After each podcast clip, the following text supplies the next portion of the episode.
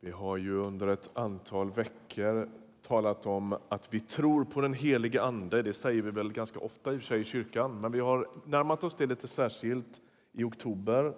Och bland annat påstått att det är Anden som hjälper oss att vara kristna.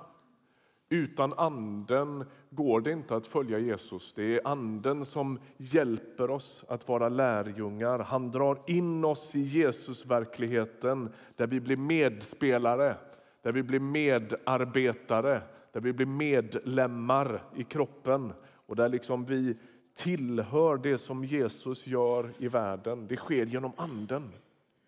Och idag ska vi läsa en klassisk text ifrån Galaterbrevets femte kapitel. Jag läser ifrån Svenska folkbibeln idag. Jag ska kommentera det lite senare i predikan varför jag gör det. Men den finns på väggen. Det beror lite på vad du har för översättning med dig, annars får du läsa med på väggen. Så här står det. Det är Paulus som skriver. Ni är kallade till frihet bröder. Låt bara inte den friheten ge köttet något tillfälle utan tjäna varandra i kärlek. Hela lagen uppfylls i ett enda budord. Du ska älska din nästa som dig själv. Men om ni biter och sliter i varandra, se då till att ni inte slukar varandra. Vad jag vill säga är detta, vandra i anden så gör ni inte vad köttet begär. Köttet söker det som är emot anden och anden söker det som är emot köttet. De två strider mot varandra så att ni inte kan göra det ni vill. Men om ni leds av anden står ni inte under lagen. Köttets gärningar är uppenbara. Sexuell omoral, orenhet, orgier, avgudadyrkan, okkultism, fientlighet, gräl, avund, vredesutbrott, själviskhet, splittringar, ill, irrläror, illvilja, fylleri, vilda fester och annat sådant. Jag säger er i förväg vad jag redan har sagt. De som lever så ska inte ärva Guds rike. Andens frukt däremot är kärlek, glädje, frid, tålamod, vänlighet, godhet, trohet, mildhet, självbehärskning. Sådant är lagen inte emot.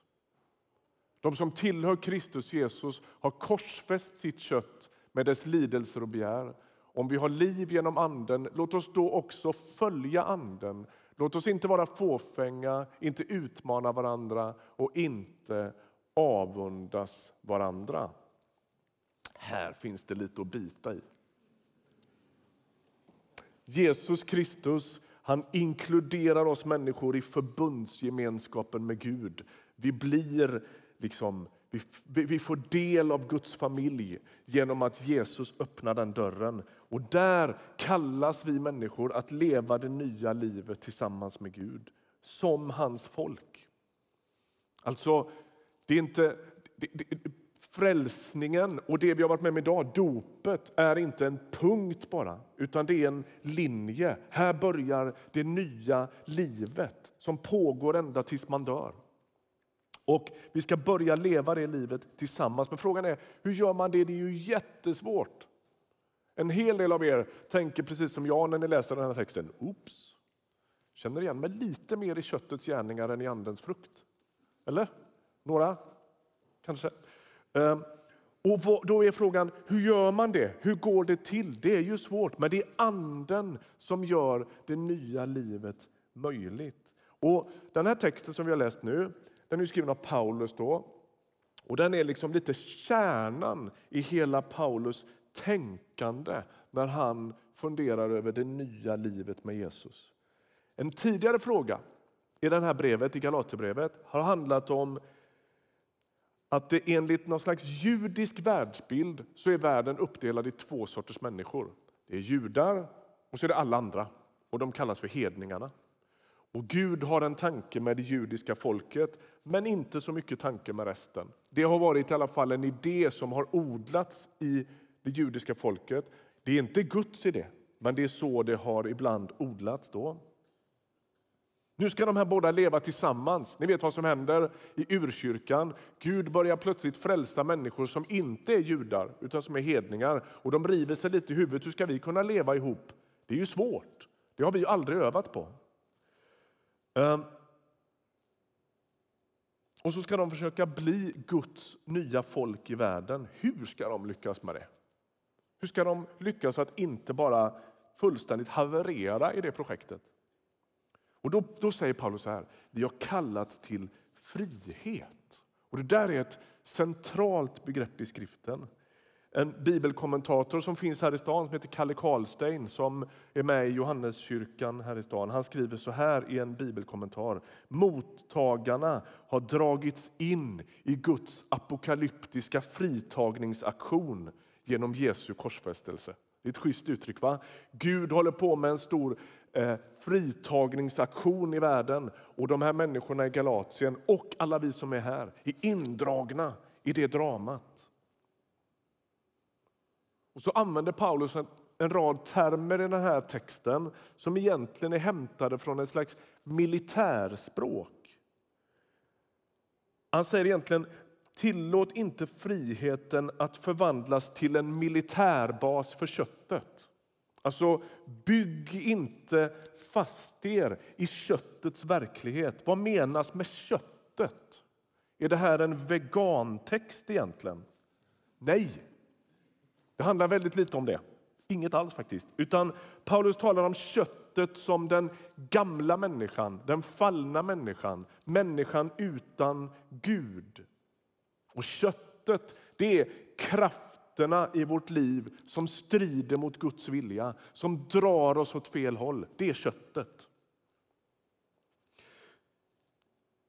Och Sen tar texten en väldigt intressant vändning.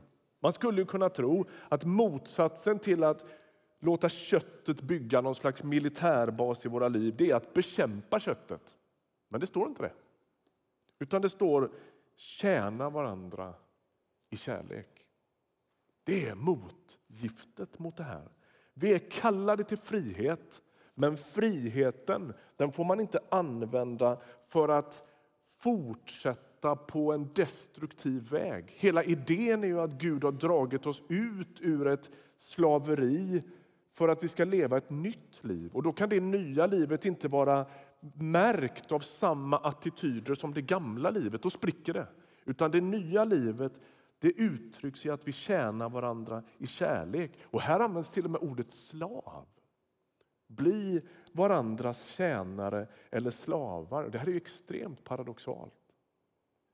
Vi är inte längre slavar under makterna, under mörkret, under lagiskheten, under köttet. Men den nya friheten den uttrycks i att vi blir varandras tjänare eller slavar. Men det där kan man naturligtvis missbruka stenhårt. Det är ju lite på gränsen att säga det i en kyrka, att vi ska bli slavar. Det är ju sektvarning så det bara sjunger om det på den. Eh, men grejen är att det här är ömsesidigt. Vi tjänar varandra. Vi lägger ner vårt liv för varann. Vi tjänar i kärlek. Och då besegras den här destruktiva köttets makt med kärlek. Bakgrunden är som sagt då att både judar och icke-judar, hedningar, har kommit till tro på Jesus. Och de här, det finns en grupp, det finns röster i, i urkyrkan som man brukar kalla för judaisterna. De säger att ja, det är helt okej okay att hedningarna har kommit till tro på Jesus. Men de måste i så fall gå in under hela den här gammaltestamentliga liksom, identitetsmarkörerna som har med omskärelse att göra, som har med matregler och massa olika saker att göra. Alltså, det går inte att slira förbi det, säger judaisterna. Det där måste man också ha med sig. Och Paulus han blir galen och säger nej, det behövs inte. Nej, nej, nej. Och det är jätteviktigt för honom att detta inte händer. Att nykristna män i Galatien låter omskära sig. till exempel. Varför är han så stenhård med det? Jo, därför att om de börjar lita på de grejerna så kommer Jesus i bakgrunden. Och så fort Jesus kommer i bakgrunden då blir Paulus helt galen. Allt handlar om att Jesus ska bli synlig. Allt handlar om att människor ska luta sig mot honom. Vi hörde ju er tre berätta här idag om att det är Jesus som har brutit in i era liv. Det är inte en massa regler och, och lagböcker och system utan det är ett möte med levande Jesus som har hänt med er. Det är det som är grejen. Och så fort människor börjar slira på det, då hugger Paulus direkt. Nej, så kan ni inte göra. Kampen mot synden kan jag inte liksom, kämpa i egen kraft. Det kommer inte att funka. Det kommer heller inte att funka med någon slags yttre regelsystem. Utan det handlar om, säger Paulus, att vandra i anden. Att hämta kraft från Guds egen ande för att vinna mot synden i våra liv. Det är viktigt att läsa rätt översättning när man läser den här texten. I Bibel 2000, som vi oftast läser här i Ytterkyrkan, så kommer hela resonemanget fullständigt bort. här. Där står det att man ska ledas av sin ande. Och plötsligt så hamnar alltihopa i mig själv igen. Hur jag ska hitta godheten i mig själv. Det Paulus säger är att jag förmår inte det. Jag kan inte det. Jag måste söka hjälp från Gud som med sin ande ger kraft att övervinna köttet. I Gamla testamentet så beskrivs lagen som en vandring. Man, mot, man, man liksom lever en hel livshållning som har med etik och moral att göra. Och så plockar Paulus upp det här ordet och så använder han det om det nya livet. Att vandra i anden, det är att göra Guds vilja. Men, säger kritikerna i Galatien, hur ska de göra Guds vilja? De begriper väl inte vad som är Guds vilja om inte vi ritar upp det här i en stor och fet regelbok. Och så beskriver Paulus de här makterna då, som liksom slåss mot varandra. Eh, eller han beskriver egentligen inte hur de slåss mot varandra i oss utan han beskriver det snarare lite som att det är två tidsåldrar. Det är den gamla människan och så är det den nya människan. Och så beskriver han hur den gamla människan regeras av vissa saker och den nya människan står under Andens liv. Och Då stod det här att då kan man inte göra riktigt vad som helst. Man har ställt sig under någon annans befallningar och under någon annans vilja och då blir vissa saker inte möjliga att göra. Man kan inte förgöra andra människor där man har ställt sig under Andens ledarskap. Köttets gärningar är det gamla livet, Guds frånvänt liv. Och det betyder, lyssna nu, det här är jätteviktigt. Det här betyder inte enstaka handlingar. Det är inte så att om du någon gång är lite illvillig, som det stod här i, så är du därmed en, liksom fullständigt regerad av den gamla människan. Det är inte det Paulus säger. alla människor kan falla på de här grejerna. Men det som är grejen är att det är liksom en slags vandring. Jag lever efter en ordning. Jag är på väg åt ett håll. Jag har liksom sorterat in mitt liv, inte efter köttets ordning utan efter Andens liv. Notera vad som står i den här texten. Köttet har gärningar. Men anden har inga gärningar, står det. Det står inte köttets gärningar och andens gärningar, utan det står köttets gärningar och andens frukt. Det där är lite viktigt att uppfatta. Paulus betonar att det nya livet presteras inte. Det är ett andens verk i oss som behöver hända. Och andens frukt är det som mognar fram i oss när anden verkar, när vi ställer oss under hans ledarskap. Vi börjar vandra det nya livet. Vi har förut vandrat åt det här hållet, fullt av köttets gärningar, gudlöshet, mörker. Och så vänder vi om och så börjar vi vandra en ny vandring i ett nytt liv. Och vi ställer oss under Andens herravälde. När vi sjunger att vi vill att Jesus ska vara Herre så är det det här vi ber om. Det nya livet. Kalle Karlstein igen, då, bibelkommentator. Han har skrivit om den här texten lite eller liksom försökt att hitta, hitta en liten egen översättning på det här för att betona några saker. Då säger han så här.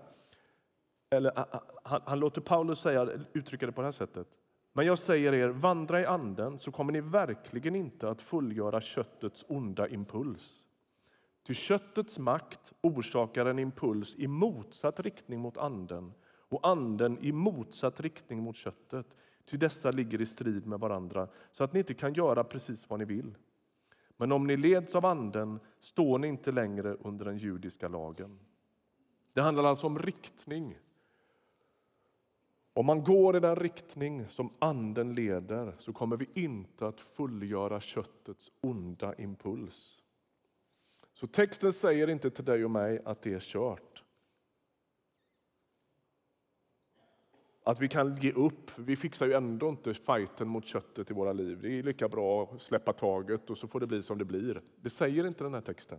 Utan militärtermer används igen här. Nej, men vi kan inte göra precis som vi vill. Vi kan inte leva precis som vi vill i meningen följa alla de här destruktiva impulserna eftersom vi lyder order från Anden. Vi är indragna i ett krig. Och precis som soldater väljer vilken befälhavare de ska stå under så väljer den kristne jag ställer mig under Andens ledarskap. Då kan man inte göra precis som man vill. Det blir inte moraliskt kaos som judaisterna är rädda för när hedningarna kommer till tro. Det behövs inga superdetaljerade lagböcker och, och yttre markörer därför att Anden ser till att det kaoset inte uppstår.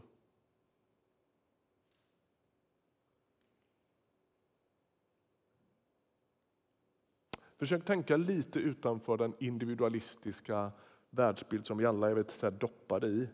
Eh, det talar ju snarare här om hur vi lever tillsammans. Det är som att världen är liksom besmittad av en viss riktning, av en gudlöshet och så uppstår det som en liten en, enklav eller som en liten liksom, ö mitt i det där där en grupp människor bestämmer sig för att ställa sig under Andens liv. Det kallas för församlingen.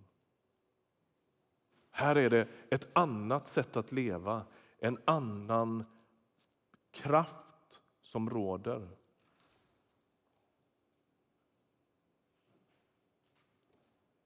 Andens gemenskap är formad efter korsets mönster. Och mot sånt kan inte lagen vända sig. Alltså rädslan som de här kritikerna har för att hedningarna ska balla ur, den är helt obefogad.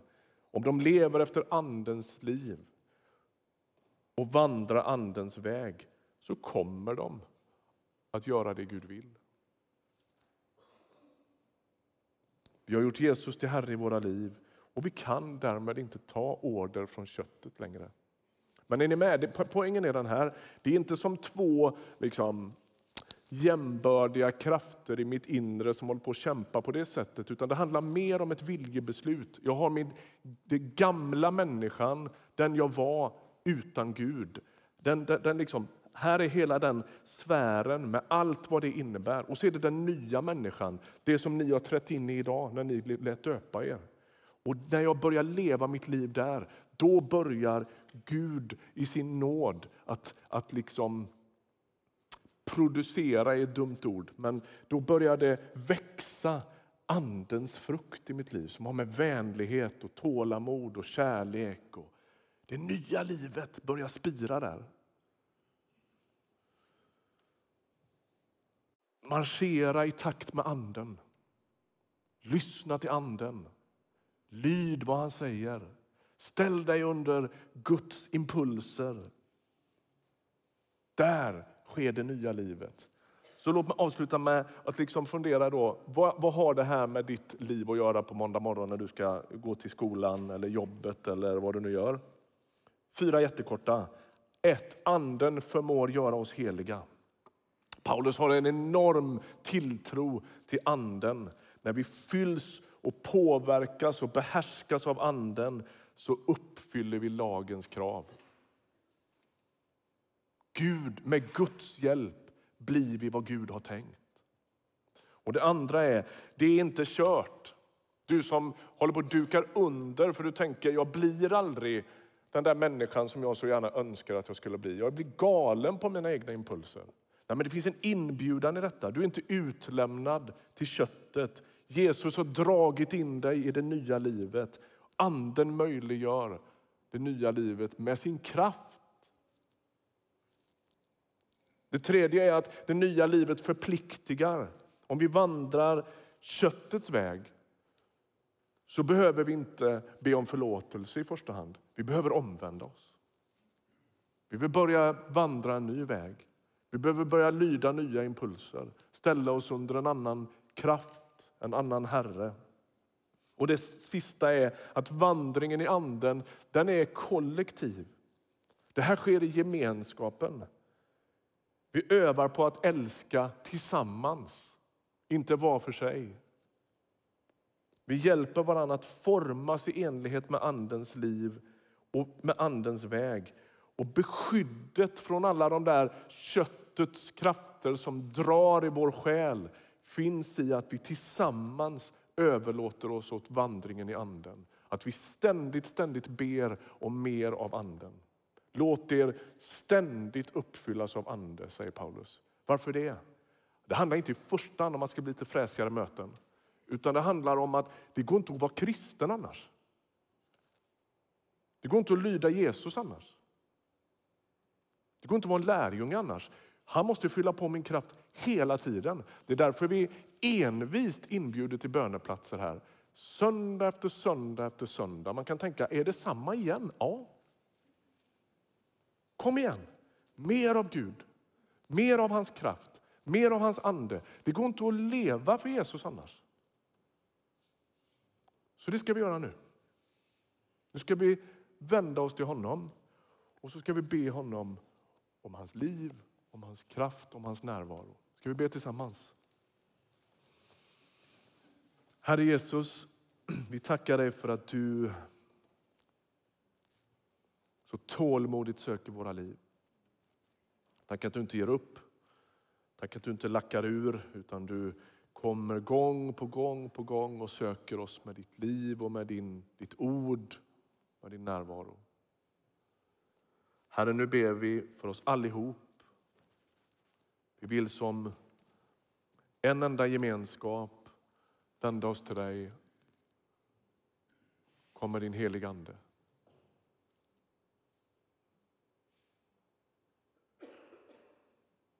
Kom med din ande över din församling.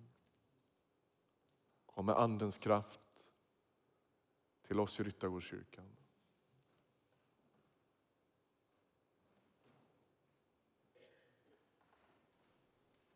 Berör oss med ditt liv.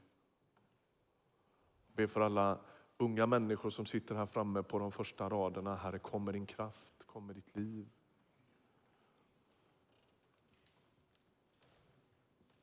Kom med kraft att följa dig. Kom med glädje. Släck deras törst, mätta deras längtan med din egen ande. Var med var och en av oss som är här i rummet. Mer av dig, mer av dig. Tack att du hör oss när vi ber. Amen.